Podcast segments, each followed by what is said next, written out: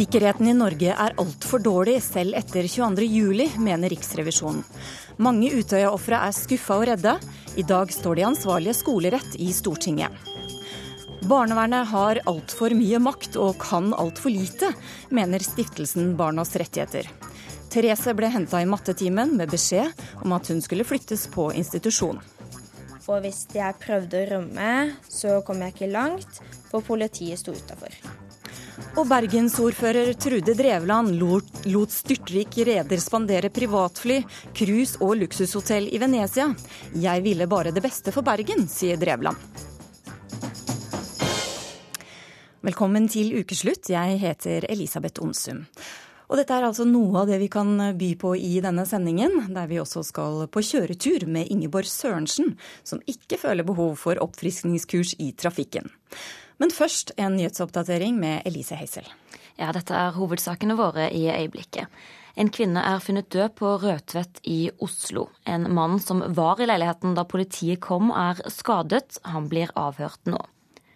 Det pågår i øyeblikket en åpen høring i Stortinget, det er i forbindelse med en rapport fra Riksrevisjonen. Den påpeker alvorlige svakheter i beredskapen her i landet. Direktør Jon Lea i Direktoratet for samfunnssikkerhet og beredskap stiller seg uforstående til kritikken i rapporten, mens politidirektør Odd Reidar Humlegård på sin side innrømmer at Politidirektoratet har hatt kapasitetsproblemer. Mer om denne høringen blir det straks. En kvinne døde i en togulykke utenfor Steinkjer i Nord-Trøndelag i formiddag. Hun satt alene i en bil som kolliderte med et tog. Dette skjedde på en planovergang. En tilskuer fikk hodeskader i en ulykke under rally-NM i Hemnes i Akershus i formiddag. En av rallybilene kjørte utfor veien og traff et skilt. Dette skiltet traff igjen en mann i 70-årene som er sendt til sykehus med uvisst skadeomfang. Etter båtulykken i Kina er tallet på døde nå kommet opp i 396. Cruiseskipet kantret på mandag. 14 ble reddet, og 40 er fortsatt savnet. Nå fortsetter ukeslutt med høringen i Stortinget. Hva om det skjer f.eks. en nytt terrorangrep? Tror du at eh, myndighetene er godt nok forberedt og takler det? Nei, det tror jeg absolutt ikke. Nei, for de har ikke gjort så mye siden 22.07. De har jo fått eh, mer erfaring nå da, etter 22.07 og sånn, så kan, de er sikkert mye mer forberedt nå enn det de var da. Det tror jeg. De er, de er sikkert tryggere nå enn vi var for fem år siden, men sikkert ikke så godt forberedt som de burde være. Beredskapsnivået i Norge er omtrent på samme nivå som det var før terrorangrepene 22.07, konkluderte nylig rapporten fra Riksrevisjonen. Og ansvaret plasseres i hovedsak på Justisdepartementet, og akkurat nå diskuteres rapporten i eh, Stortinget. Og politisk kommentator i NRK, Lars Nehru Sand, du er på Stortinget, og hva har blitt sagt så langt? Det mest oppsiktsvekkende er, som vi hører, direktøren i Direktoratet for sikkerhets- og beredskap, som har eh, tilbakevist hovedkonklusjonene til Riksrevisjonen.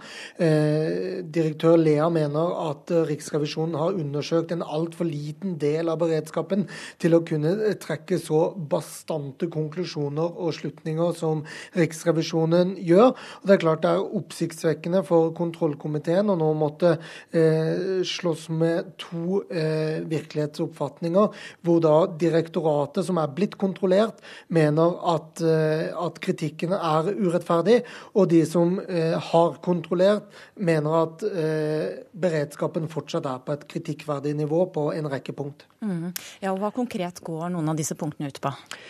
Hovedkritikken går på at det ikke har vært en god nok dialog mellom Justisdepartementet og dette Direktoratet for sikkerhet og beredskap. Det, det høres jo litt uh, lite konkret ut, men det er uh, snakk om hvordan disse samarbeider, og ikke minst hva slags krav eh, departementet som øverste ansvarlig for sikkerheten i Norge gir til de som skal gjøre den jobben i praksis.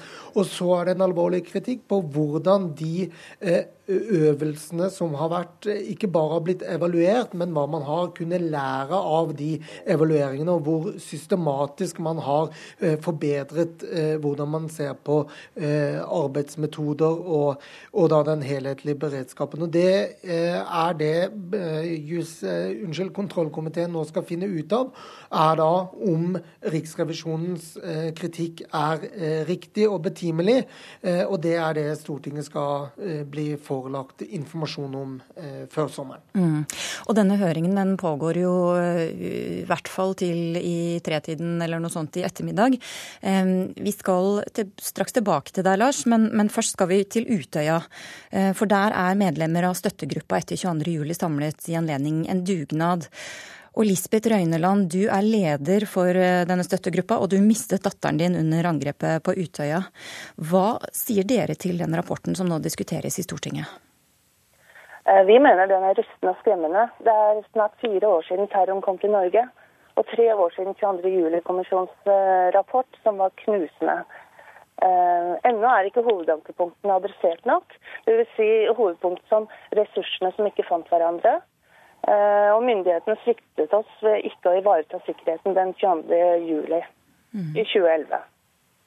Ja, hva mener du konkret burde vært gjort? Eh, jeg, jeg tror nok at det viktigste er at man ser på organisasjonskulturen. Og ser på den silotenkningen som foregår nå mellom etatene. For et av hovedpunktene var jo, til kommisjonsrapport var jo det at myndighetene fant hverandre ikke. Og det sier meg da at man, man ikke har kommunikasjon nok mellom de forskjellige etatene. Mm. Du, hvordan er det å være på Utøya nå? Kan du si litt om det? Akkurat nå er det, er, det er veldig spesielt alltid å komme ut i Utøya. Eh, I dag har vi samlet en del eh, etterlatte, veteraner og berørte, som eh, har en dugnad på minnested på, på, Utøya som blir veldig, veldig fint. Vi legger heller og lager spy. Mm. Mm. Takk skal du ha, Lisbeth Røyneland. Dag André Andersen, du overlevde Utøya og reddet også mange av vennene dine den dagen. Hvilke tanker gjør du deg om det som har kommet fram i rapporten? Nei, vi er, vi er veldig skuffa, egentlig, alle sammen. Eh, at det har gått fire år, og så har det egentlig skjedd eh, så lite. Det er jo tross alt 77 mennesker som mista livet den dagen, som ble drept. Eh, og likevel så skulle man tro at dette var topp prioritet i, i, av regjeringa og departementene. Mm. Det har jo da vist at det ikke er. Det, det er skuffende. Og, og, og, hvilke hovedforventninger har du hatt til ja. arbeidet etter 22. juli? Jeg har hatt forventninger om at, at alle statlige etater fikk en sterkere fokus på, på beredskap. At man forlot sektortankegangen om at hver etat holder på med sitt, og at man har mer tverrfaglighet og samarbeid over sektorene. og koordineringa når, når uhellet først er ute, at alle damene da drar i samme retning. Det er jo veldig viktig. Du er jo statsviter og, er også veldig opptatt av beredskap. Hva, hvorfor tror du at det ikke har skjedd mer?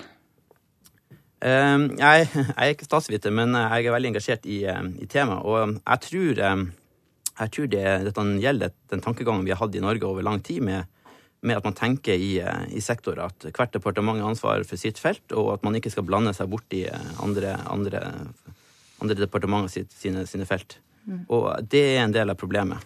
Eh, justisministeren må ha det, det øverste ansvaret for å, for å koordinere og, og um, styre de andre departementene når det gjelder beredskap. Det er veldig viktig. Og det er også, det er også veldig gledelig at, at det nå kom fram i dag at uh, statsministeren har, har, sagt at den der stillinga med sikkerhetsrådgiver at, den, at den, den, skal få en litt annen funksjon da. Eh, fordi at eh, i et periode så var det nok litt for mange kokker som holdt på med beredskap. Mm. Tusen takk skal du ha, André Andersen. Eh, vi skal tilbake igjen til Stortinget. For justisminister Anders Anundsen skal forklare seg til slutt i dag. Vi har invitert ham til å kommentere hos oss, men har fått beskjed om at han ikke kommer til å gjøre det før han har forklart seg i Stortinget. Og Lars Nehru Sand, hvilke spørsmål er det han kan komme til å måtte svare på under høringen i ettermiddag? Sånn som denne høringen nå har utviklet seg, så må han selvfølgelig svare på om han kjenner seg igjen i, og om han føler man kan feste lit til eh, Riksrevisjonens rapport. Eh, så er det nok også ventet at han må besvare spørsmål om dette sikkerhetselementet med, ved statsministerens kontor, og hvordan regjeringen har delegert ansvaret for, eller det øverste ansvaret for beredskap mellom justisministeren som fagstatsråd og, og, statsministeren og hennes rådgivere som, som regjeringens øverste ansvarlig, selvfølgelig. Eh, og så må han eh, svare på eh, hva det er Eh, som gjør at nesten uansett hva man gjør, kan det virke som, uansett eh, hvem som sitter med makten, så er eh, beredskapsarbeidet så vanskelig å få, få, skikk på, kan det virke som, når man ser resultatet av gjentatte evalueringer, gjentatte gjennomganger og rapporter over år, uavhengig av om det er Arbeiderpartiet eller Høyre som, som sitter med statsministeren. Mm. For dette er jo en litt kinkig debatt også for, for for eh, opposisjonen. Hvor sterk har kritikken fra dem vært? Ja, nå Før eh, den sittende statsråd har vært inne, så eh, føler jeg at mesteparten av eh, kritikken her går eh, mot eh, Altså har en, eh, et, et, mer snitt av et oppriktig ønske om å finne ut av hvordan dette skal bli til beste for samfunnet, mer enn en, en kamp mellom rød og blå side i norsk politikk. Det tjener nok også saken best, fordi det er klart at dette er så viktige spørsmål. og det har vært så mange som, som, har sittet med skoen på, at det er jo få partier, om noen, som, som egentlig kan stå eh, rak i den debatten uten å, å, også måtte svare for sine egne perioder i regjering. Eh, så det er en debatt i kontrollkomiteen nå som, som bærer preg av eh, stundens alvor og kompleksitet, mer enn en, en generell politisk eh, eller partipolitisk debatt. Mm. Helt til slutt, hva, hva tror du kan komme ut av, av denne høringen? Jeg tror det kommer et nytt alvor over hvor mye som gjenstår før norsk beredskap er på et tilfredsstillende nivå. Og så har vi for alvor, uavhengig av Riksrevisjonens rapport og hva man måtte mene om den, så har man fått, eh, fått et tydelig bilde av at virkelighetsoppfatningen i debatten om norsk beredskap er så ulik at det i seg selv hemmer eh, konstruktiviteten i, i debatten. Mm. Takk skal du ha. Det var mulig å sitte på med et fly som tilhørte rederiet i stedet for å reise med rutefly. Et privat jetfly? Det var et privat fly. Altså, du må ikke spørre meg om det var jet, men det var i hvert fall, de gikk fort. Ja, Bergensordfører Trude Drevland har altså vært på tur i Venezia, sponset av rederiselskapet Viking Cruises, etter at hun takket ja til å være gudmor for et av skipene deres. Det har stormet godt det siste døgnet, og i går kveld kom beskjeden om at hun har blitt sykemeldt. Og Hilde Sandvik, debattredaktør i Bergens Tidende, hva er det Trude Drevland har gjort? Det er kanskje like gjerne å spørre om hva hun ikke har gjort, eh, fordi hun har takka ja til å være gudmor for et skip. Eh, det er jo oppgaver som politikere tar på seg. Samtidig så vet vi at det er bare fem år siden det har vært storma kraftig rundt Liv Signe Navarsete da hun tok imot et uh, gullarmbånd. Det burde ha kanskje rykka i, i, i politiske rådgivere rundt akkurat denne saken òg. Så hun var med på denne turen til Venezia har ikke, eh, som vi kjenner til, oppgitt eh, det til forretningsutvalget. Eh, og har òg skifta litt delvis forklaring på, på, hva hun var med på og ikke i de dagene som fulgte. Hun har handla i god tro, sier hun, og det har jeg ingen grunn til å, å miste troen på. Av og til så kan det virke som kanskje det òg kan være en glidende overgang mellom å handle i god tro og kanskje være litt godtroende. Ja, for hun har eh, skiftet litt forklaring sånn underveis eh, i prosessen. I hvert fall eh, ifølge den informasjonen som har kommet fram så langt. Eh, hva er det hun har sagt for noe?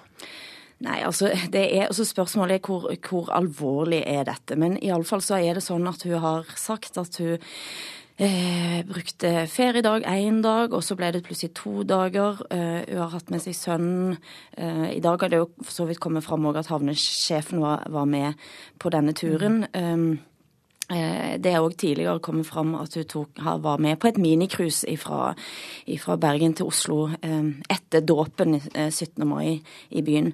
Men så er det òg spørsmål er dette da Har hun blitt brukt av rederen? Det er vanskelig å, å si ting om, men det har iallfall kommet fram e-poster mellom, mellom eh, Trude Drevland og, og Torstein Hagen, som er rederen, men òg mellom Trude Drevland og Monica Mæland med spørsmål om å få gjort om på dette, dette regelverket som gjorde at en kunne, kunne seile under norsk, under norsk flagg. Mm. Uh, ja, ikke sant. Fordi det, det, er jo det som, som, kanskje er saken her. Hva slags gjenytelse rederiselskapet eventuelt har fått. Um, og, og, og, hvor ligger denne saken nå? Vi har hørt at, at politiet også har, uh, har, vært inne og begynt å se på saken. Ja, Foreløpig så vet vi veldig lite om hvorvidt dette er det som, altså om det er korrupsjon eller ikke. Det er vel ikke grunn til å, å, å tro foreløpig, men politiet har nå åpna en, en, sak. Eh, Venstre og Arbeiderpartiet har sagt at de ønsker en forklaring eh, når hun er tilbake og, og på jobb. Så et lite politisk etterspill vil det vel eh, kanskje bli. Men nå er jo Høyre i Bergen i øyeblikket i mange eh, vansker. Eh, og dette kan muligens være et lite skår, men, eh, men det finnes veldig mange andre skår i et litt krakelert parti i øyeblikket. Mm. Og Drevland har jo hun har jo tatt selvkritikk på måten hun har håndtert dette. Eh, og, likevel så har hun fått en rekke støtteerklæringer f.eks. på Facebook. Eh, og på Twitter og, og, sosiale medier så har folk vært ute og støttet henne. Ja, og, og Trude Drevland er en veldig populær ordfører, eh, som kanskje òg splitter splitter, byen, fordi at de som er, mener at Trude Drevland gjør en fantastisk jobb for Bergen, er òg mange. Og, og, det er òg mange som mener at dette er, dette er, en, er, en, sak som først og fremst handler om en promotering av byen eh, og av et og av en kvinne som faktisk går fryktelig langt for å, eh, for å, å fremme Bergen i veldig mange sammenhenger. sant? Eh, så det, det, der, Og den massive støtten der har det er folk folk poster vakre bilder fra byen. og så hun blir trodd når hun sier at hun gjorde dette til beste for, for Bergen? Ja, og, det er jo ingen grunn altså jeg, jeg, tviler på at hun gjorde det for å få seg en tur til Venezia. Det tviler jeg på at det, er noen som egentlig eh, tror. Eh, men spørsmålet her er på et vis òg sånn rent prinsipielt og hva er, ordfører, er en ordførers virke, og nå går en eh, for langt. Og når er den glidende overgangen her mellom når, når starter ordføreren og slutter byen, og omvendt, som ikke alltid kan være like lett å, å få øye på. Mm. Du var inne på det, det har vært turbulent for Høyre i Bergen. Eh, nå Drevland har jo sagt at hun ikke tar gjenvalg, mm. men vi står eh, på terskelen til kommunevalget. og Hvilke kan dette få konsekvenser for, for, Høyre som parti i Bergen?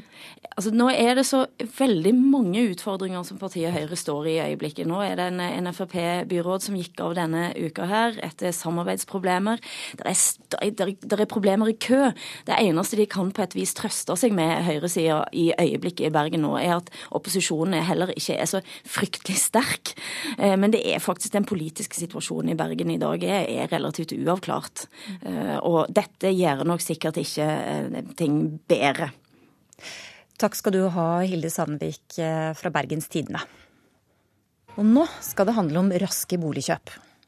Hva sier følelsen? Jeg er veldig gira på denne leiligheten. Ja. Det vi må gjøre nå, vi må bare sette ned foten og gi alle penga vi har. Oi, huset. Ja, noen folk bruker mer tid på å velge festantrekk enn på å velge bolig. I en fersk undersøkelse går så går, ifølge en fersk boligundersøkelse så går bolighandel raskere nå enn på flere år. Én av fem bruker mindre enn 30 minutter på visning, og mange ender opp med en bolig som er i dårligere stand enn de trodde. Og Thomas Bartholsen fra Forbrukerrådet, du sier til Dagens Næringsliv at boligkjøpere er i en fryktelig situasjon. Kan du utdype det litt? Ja, eh, bolighandel er livets aller viktigste handel. Og særlig unge boligkjøpere er veldig bekymret for at de skal kjøpe en bolig der hvor tilstanden viser seg å være dårligere enn de antok. Eh, og de har liten erfaring, og de har fryktelig dårlig tid. Eh, og Derfor har vi jobbet hardt for å få mer tid i bolighandelen, men der ser vi at eiendomsmeglerbransjen klarte å få skrudd klokka tilbake for få år siden, sånn at boligkjøperne har fått enda mindre tid. Mm. Hva slags eh, eksempler har du på at folk har endt opp med en dårligere bolig enn det de trodde de kjøpte? Ja, det finnes det mange eksempler på, og det eksponeres eh, i media jevnlig. Men vi har jo også undersøkt blant kjøperne av bruktboliger i årene 2009 til 2014. Og det er slik at 21% oppga at de var misfornøyd, vurderte å reklamere eller hadde gjort det. Og hva, hva består eh, de, eh, de, manglene i, da? Har du noen eksempler ja, på det? Ja, altså det, det, aller største problemet er at folk sier at, eh, opplyser til oss at uh, tilstanden viser seg å være dårligere enn de antok da de bød. 17% altså hver sjette, sier at tilstanden var dårligere. Uh, og så er det en del som peker på at markedsføringen var for positiv. Eh, og at oppussingsbehov og sånt ikke ble kommunisert. Men tilstand, dårligere tilstand enn det du tror huset har, eller leiligheten har, når du leverer inn budet, det er det største problemet. Og meglerne sitter med hovedansvaret, mener du? Ja, det er helt klart at meglerbransjen har lobba knallhardt overfor Finansdepartementet og den forrige regjeringa for å få kutta ned tiden boligkjøperne hadde. Før så var det sånn at budrunden ble avslutta på ettermiddagstid. Øh, Eh, klokka syv-åtte om kvelden ofte måtte budene stå til. Eh, og det betød at folk hadde egentlig omtrent en De hadde en full dag. De var på visning den ene kvelden og kunne tenke gjennom saken den dagen. Eh, og, og så leverte de bud, og så fikk de svar i løpet av den kvelden. Grete Meier, du er leder i Privatmegleren. Er det dere meglere, eller er det boligkjøperne som er problemet? Eh, jeg vil uten tvil påstå at her har vi en jobb å gjøre, også sammen med Forbrukerrådet, i forhold til å opplyse kjøperne om hvilket ansvar de har. Meglerne har ansvar for å ta, lage salgsoppgaver og oppgi alle opplysninger som er i forhold til boligen. Og det gjør vi, og det er det et lovverk som vi forholder oss til. Men det vi opplever er at eh, de som skal kjøpe bolig, ikke har satt seg nok inn i materiellet som foreligger før de kommer på visning. Og Det er derfor vi gjennomførte denne undersøkelsen nå, fordi vi hadde lyst til å vise dem at bruk mer tid på visning, men det aller viktigste er sett dere inn i boligens standard før dere går på visning. Og det er ikke vanskeligere enn å laste ned salgsoppgaven som ligger på nett, og lese selgers egenerklæring. Og gjør de det, og så kommer på visning, og så begynner de å grave, og i tillegg tør å spørre litt de dumme spørsmålene som vi kanskje ikke egentlig tør, men det er veldig lov, så vil de finne ut mye mer om boligen enn det de dessverre gjør i dag. Hvor lang tid mener du er rimelig å bruke på en visning? Hva, hva, hva trenger man? Uh, jeg tror med hell man kan Hvis man rekker, så burde man helst hatt to visninger. Først en for å titte, og så en for virkelig å grave. Men i dag så ser vi at boligene går for raskt unna, og det er sånn som boligmarkedet er. Derfor sier vi i stedet at bruk mer tid i forkant. Ring megleren før du går på visning. Sett deg inn i alle tingene ved boligen. Og når du da kommer på visning, så vil du få med deg mye hvis du har en time til å virkelig grave i boligen. Mm. Men nå sier jo Forbrukerrådet at uh, dere har uh, mye av ansvaret for at uh, kjøperne ender opp med dårligere boliger enn det de tror de har betalt for. Hva sier du til det? Der er jeg ikke enig. og Da vil jeg sagt også at gå og se på klagestatistikken. da, for hvis man ser av 100, Det er ca. 130 000 transaksjoner eller bolighandler i løpet av et år. Der er det 200 klager som går på meglere, og 100 får klagerne gjennomslag for. Så det er ikke meglerne som er utfordringen her, men det er lovverket eventuelt vi må se på. Og vi er ikke negative til om vi skulle forlenge dette med budfrist, som Forbrukerrådet sier, hvis de kan dokumentere at boligkjøperne vil bruke mer tid for å sette seg inn i boligen. Men vår erfaring er at ikke de gjør det. Ja, Er det gitt at uh, mer tid gir uh, det høyner kvaliteten? Altså, som, altså eh, 60% av boligkjøperne i årene 2009 til 2014, som vi nettopp undersøkte, opplyser til oss at de gjerne skulle hatt mer tid til å undersøke. 60% oppgir det. Det er ganske overveldende tall. altså To tredjedeler vil ha mer tid. Eh, og det er selvfølgelig særlig de som er bekymra. Eh, og hvor lang tid snakker vi om da? Altså... Ja, det, det, vi mener er, må være et minimum, er at folk har én full dag eh, til å lese alt, spørre, samrå seg med fagfolk, undersøke og vurdere kjøpsalternativer. Minst én full dag. Det er ikke mye forlangt. Det er livets aller viktigste handel, og det er ingen angrefrist. I andre land rundt oss, i Danmark er det jo tre angreretter hvis du har kjøpt eh, en bolig. I Norge er det jo ingen slik eh, angrerett. Det som faktisk skjer, er at Boligkjøpere er på visning flere, på flere boliger, for man vil jo ikke bare forelske seg i én, man vil ha flere alternativer. Så er man på visning. Budrunden begynner jo faktisk allerede på visningen veldig ofte. Og neste, neste morgen så ringer megleren klokka åtte, mellom åtte og ni eller sender SMS og sier at hvis du er interessert, så må du levere bud i god tid før klokka tolv. Mm. Men nå må vi huske at vi allerede har en 24-timersregel i dag. Og det er det vi mener at så lenge en potensiell kjøper setter seg inn i boligen i forkant, så er det tilstrekkelig. For det vi ser er at når man har hatt en visning, så begynner det å gå ganske Da er det som du sier, Bartholsen, da begynner det å bli aktivitet. Og da er det litt for seint å begynne å sette seg inn i boligen, for da ser vi ofte at blir at man går på hverandre. Og derfor er det så viktig å bruke tid i forkant. Ja, men Meyer, altså, 60% ønsker seg litt bedre tid. Hva hadde konsekvensen for dere meglere blitt dersom, dersom man ga kjøperen bedre tid? Altså Det vi er redd for ved om man skal utvide til 48 timer budfrist, er at vi får mer kupping av budrunder. Dvs. Si at um, kjøpere går rett på selgere, og ikke via eiendomsmeglerne, som da har den lovfastete tiden med 48 timer. Og det tror vi Hvilken rolle spiller det dersom man ender opp med den boligen man vil ha?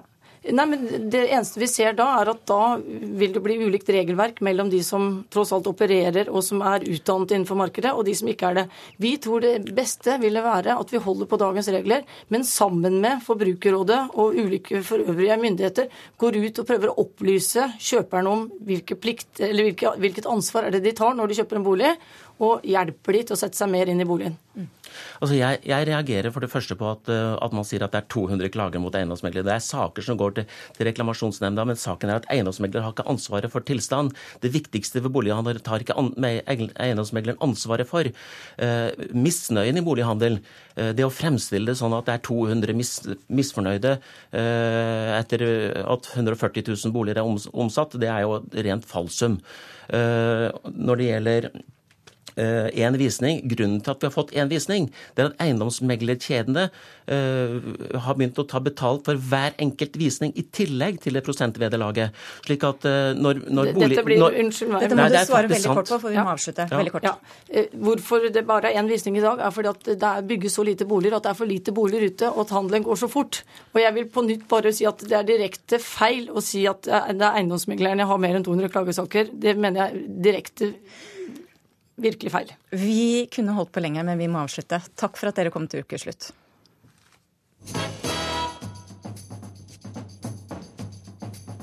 Du hører på Ukeslutt i P1 og P2.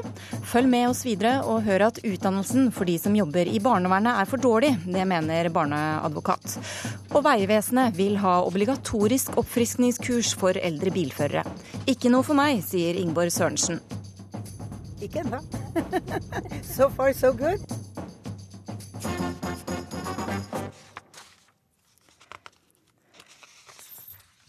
Ja, Kompetansenivået i barnevernet er for lavt i forhold til den makten de har, mener stiftelsen Barnas rettigheter.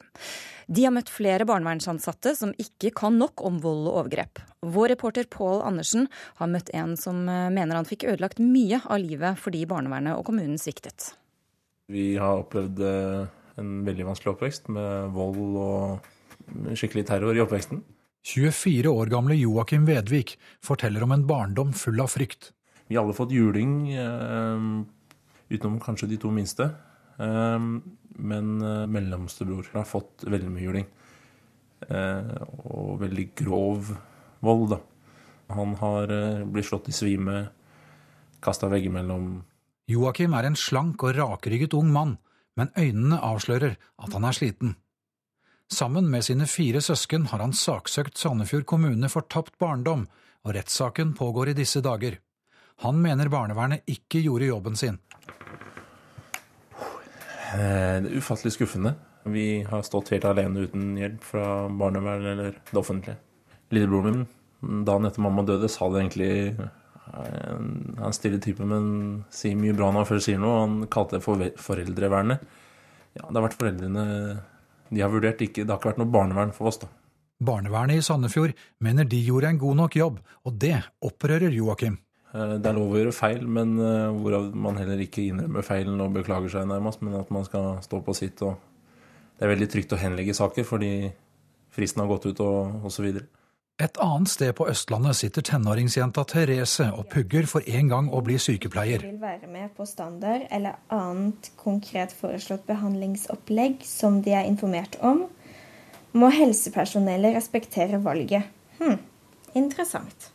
Therese har, i motsetning til søskenflokken i Sandefjord, opplevd et barnevern som gikk for hardt til verks. Jeg ble hentet uh, i uh, mattetimen, og så uh, skulle jeg møte dem på et sånn møterom.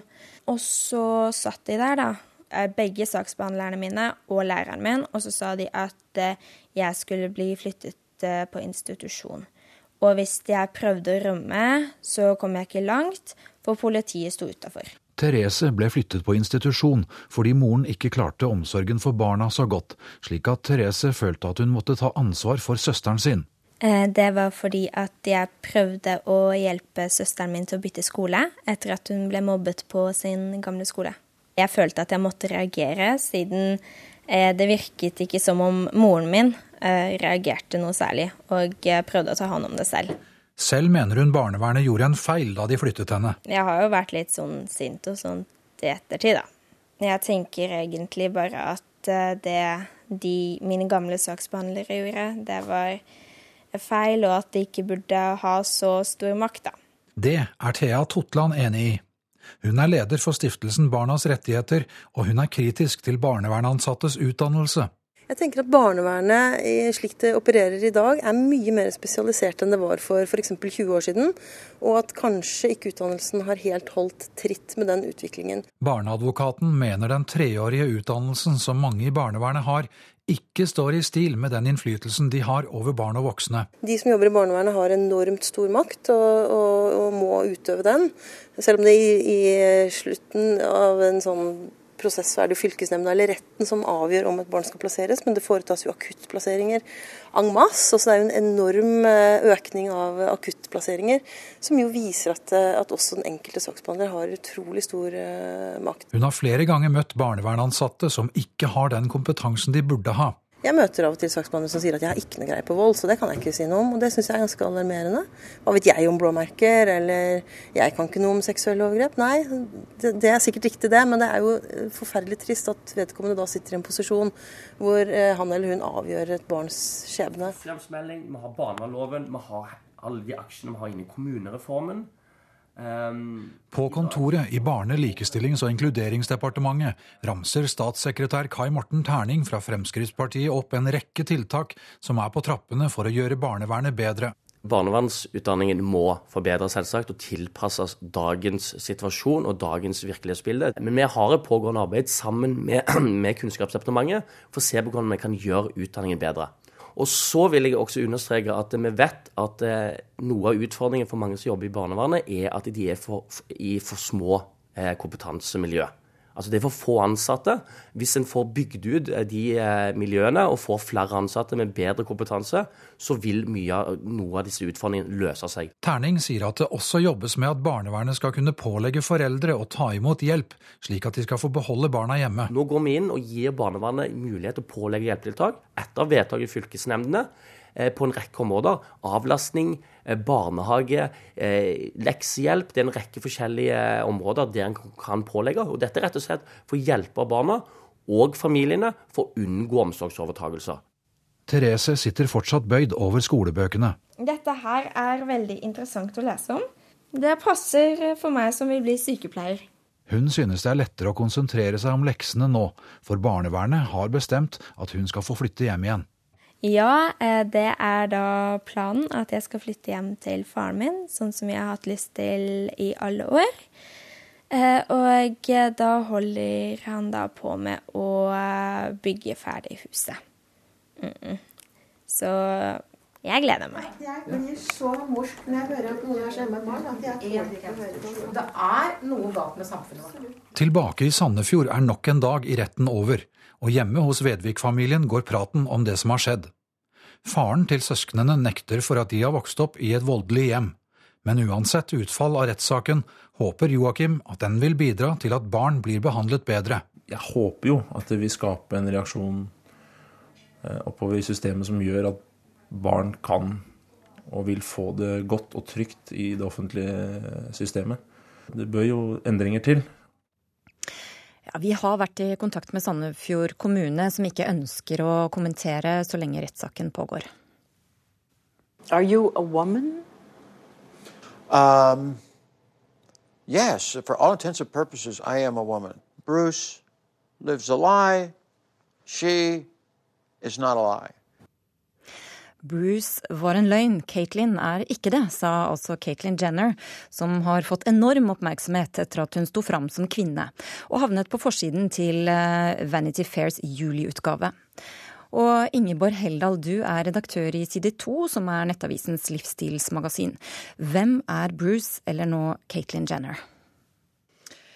Bruce uh, Caitlyn Jenner er jo kanskje først og fremst for mange en uh, olympisk gullmedaljevinner, amerikansk sådan, i tikamp 1976. Og også verdensrekordholder i tikamp to år på rad i 75 og 76.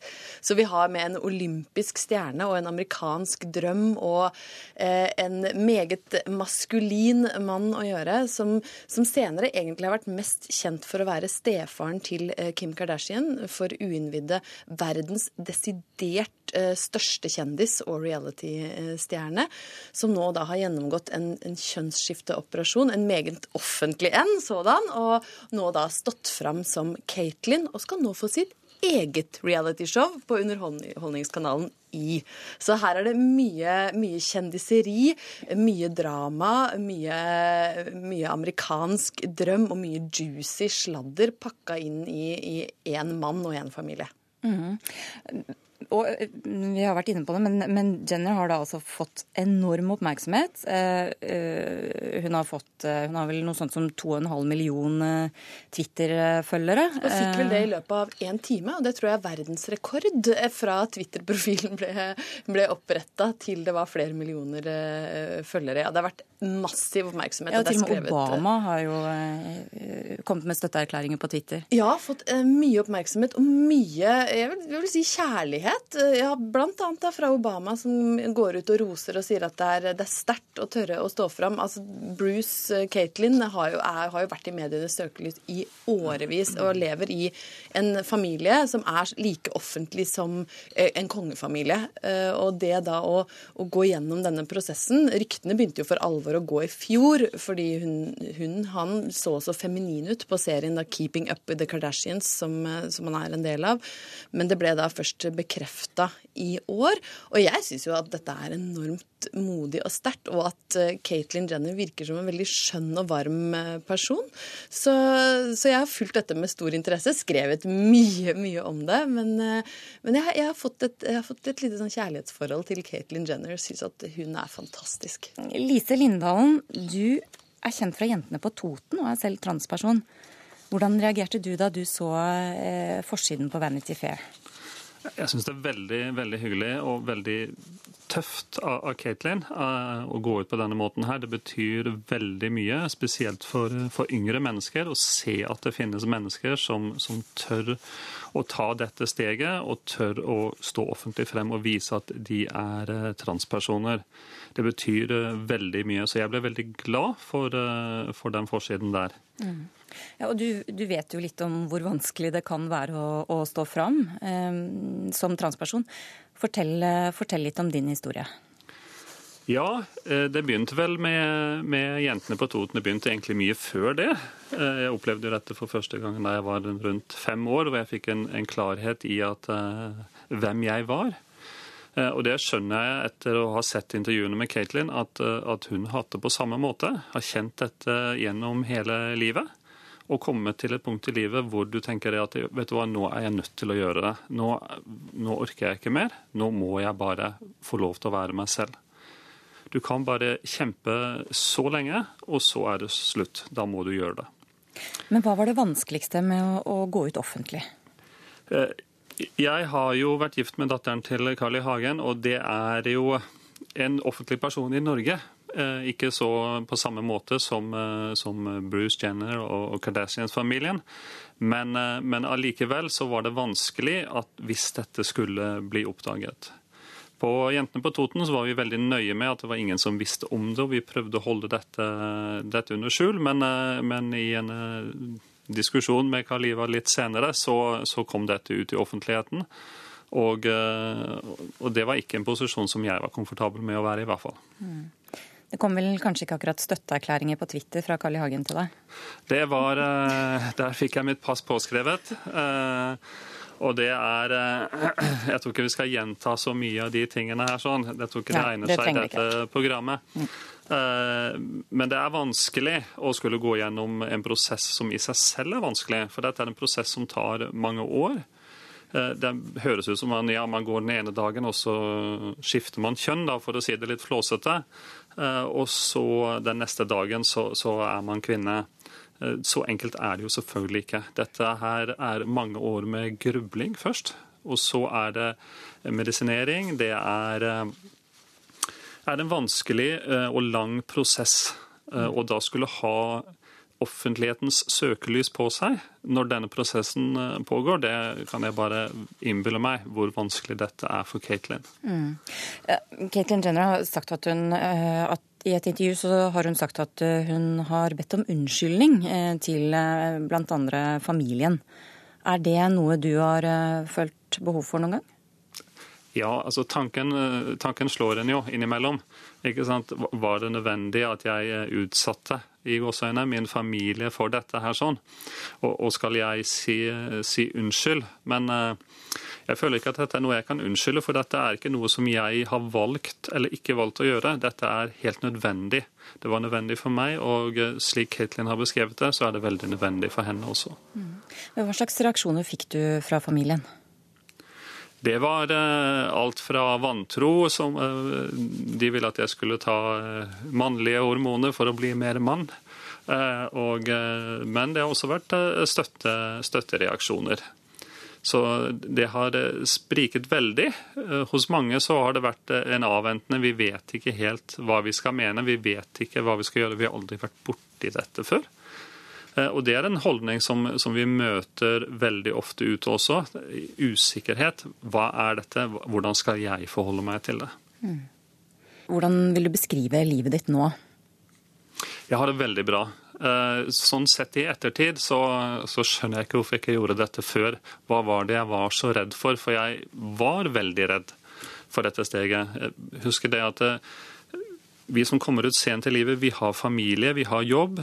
Barna mine var det viktigste for meg, og jeg er helt sikker på at for Caitlin så er det også det viktigste i hennes liv. Og hun må ha grublet masse på hvordan skal jeg fortelle dette til barna, hvordan vil barna ta det, vil jeg miste barna? Eh, det har gått veldig bra for meg, og jeg er helt sikker på at Katelyn, eh, som har fått så mye støtte fra sine barn, at det vil gå veldig bra der også. Tror du at et norsk moteblad kunne gjort det samme som Vanity Fair har gjort? Det håper jeg virkelig at vi har, har kommet dit. Og jeg vil jo tro at Caitlyn Jenner nå åpner mange dører.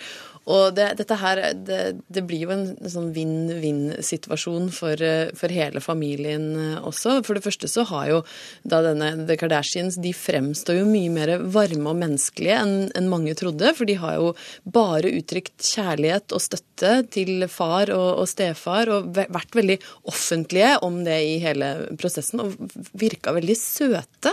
Jeg har fått et litt annet syn på de, kanskje bortsett fra mor, som eh, ikke tok det så veldig pent. Noen onde tunger sier jo at det er fordi at nå er jo Caitlyn Jenner penere. Når du våkner opp en dag og eksmannen din ser bedre ut enn deg, så er det vanskelig å svelge. Det har jo noen som har hevda at det er grunnen. Hun har tatt vekk eh, etternavnet, vil ikke hete Jenner lenger. Men barna har utelukkende eh, vist seg som en veldig varme og, og, tolerante. Og nå får jo han sitt eget realityshow, sånn at uh, det vil jo bli sikkert økonomisk vinning i dette for hele familien også, så jeg tror de kommer godt ut av hele. Og jeg tror at Caitlyn Jenner ikke minst nå vil få et veldig mye bedre liv og slippe å gå rundt og late som hun er noen hun ikke er. Mm.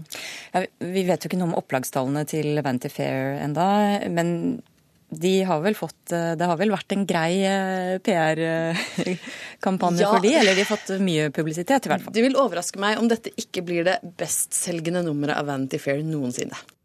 Takk skal dere ha, Ingeborg Heldal fra Nettavisen og Lise Linddalen. Nå over til noe ganske annet. For muslimer er miljøforurensning i Europa, sa visesanger Hans Rotmo til Trønderavisa. Verdalingen Fatima Almena var en av dem som reagerte. Spilleoppdrag ble avlyst, og nå angrer Hans Rotmo på formuleringen. Kollega Helgar Torgvær har satt sammen denne oppsummeringen. Vi er en nasjon Det høres jo litt sånn unorsk ut. Vi fra andre stater, og vi er ikke på besøk. Nei, de kommer for å bli. Vi kutter oss litt snopper og fitter. Gutter og jenter nykonvertitter. Omskjæring er vår kultur, og vi har med på lur av bra ting. Vi er en nasjon med, vi fra andre stater. Det lukter hasj og løk og prater når vi rart prater. Jeg takker meg for at jeg har eh, sagt noe som de har ikke torde å si. Hans Rotmo karakteriserer en hel gruppe mennesker eh, som lopper og lus, og jeg er tilfeldigvis en av de loppene og lusene. Problemet er jo at det er for mange. Vi klarer godt å ta imot en god del, men hvordan blir det i Oslo, da? Dæven, de kan ikke på sånne går ikke har fått. Det gjør folk som går i svarte telt og sola skinner nekter å drikke vin.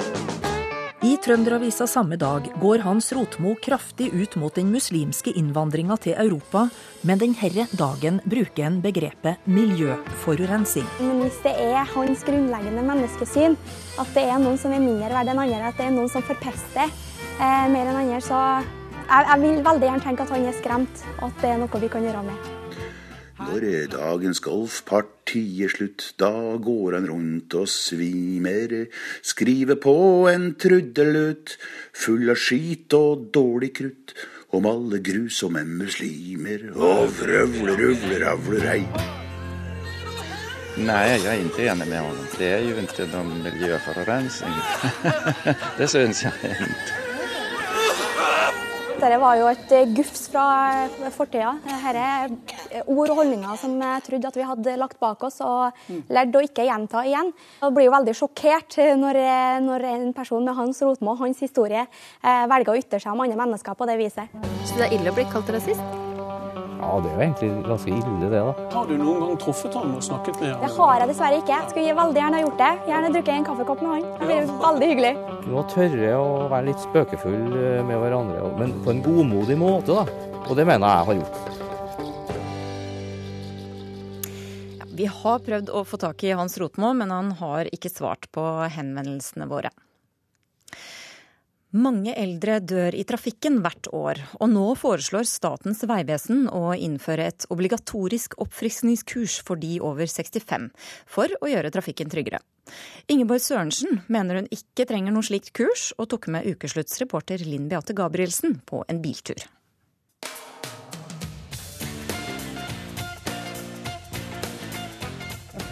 Ingen er jo perfekte. Jeg mener, jeg har jo absolutt mine feil, men jeg ser på meg selv som en god sjåfør og våkensjåfør. Ingeborg Sørensen elsker å kjøre bil. Hvordan vil du beskrive kjørestilen din, da? Uh, god og småfrekk. Frekk hvordan da? Nei, altså Av hensyn til forbikjøringer og, og uh, i hele tatt uh, ikke ligge bak en som kjører i 40 når han har kjørt i 60. og ja, jeg er kanskje til tider litt grann aggressiv, men på en god og trygg måte. Men det er noen år siden hun tok lappen. Skal vi se, jeg tok det i Los Angeles i da, da. Hvor gammel var jeg da? Skal vi se Jeg var 1972. 1970 eller 1972. I fjor var 30% av dem som døde i trafikken, over 65 år. Derfor vurderer Statens vegvesen å innføre obligatoriske kurs for eldre bilførere. Du da, hadde du trengt et kurs? Ikke ennå. so far, so good.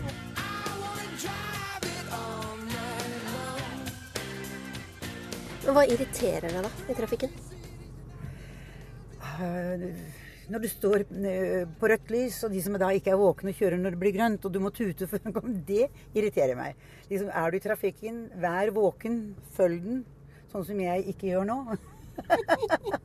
Skjønner du? For jeg sitter og prater med deg. Altså, det liker jeg ikke at andre gjør. Du må følge med, være, være bevisst hvor du er henne. Vær så god, kjør forbi. Ingeborg og jeg er på vei til trafikkstasjonen på Risløkka i Oslo for å høre litt mer om kurset. Nei, nå var vi flinke. Vi fant jo frem med en gang. Store Hei! Øyvind. Linn. Hei. Hyggelig. Øyvind. Ingeborg. Øyvind Vilbo holder gratis seniorkurs på trafikkstasjonen. Jeg tror de fleste har en følelse av at de blir sett litt ned på som mann med hatt, selv om vi ikke bruker hatt mer nå. Så tror jeg nok at de fleste har den tanken.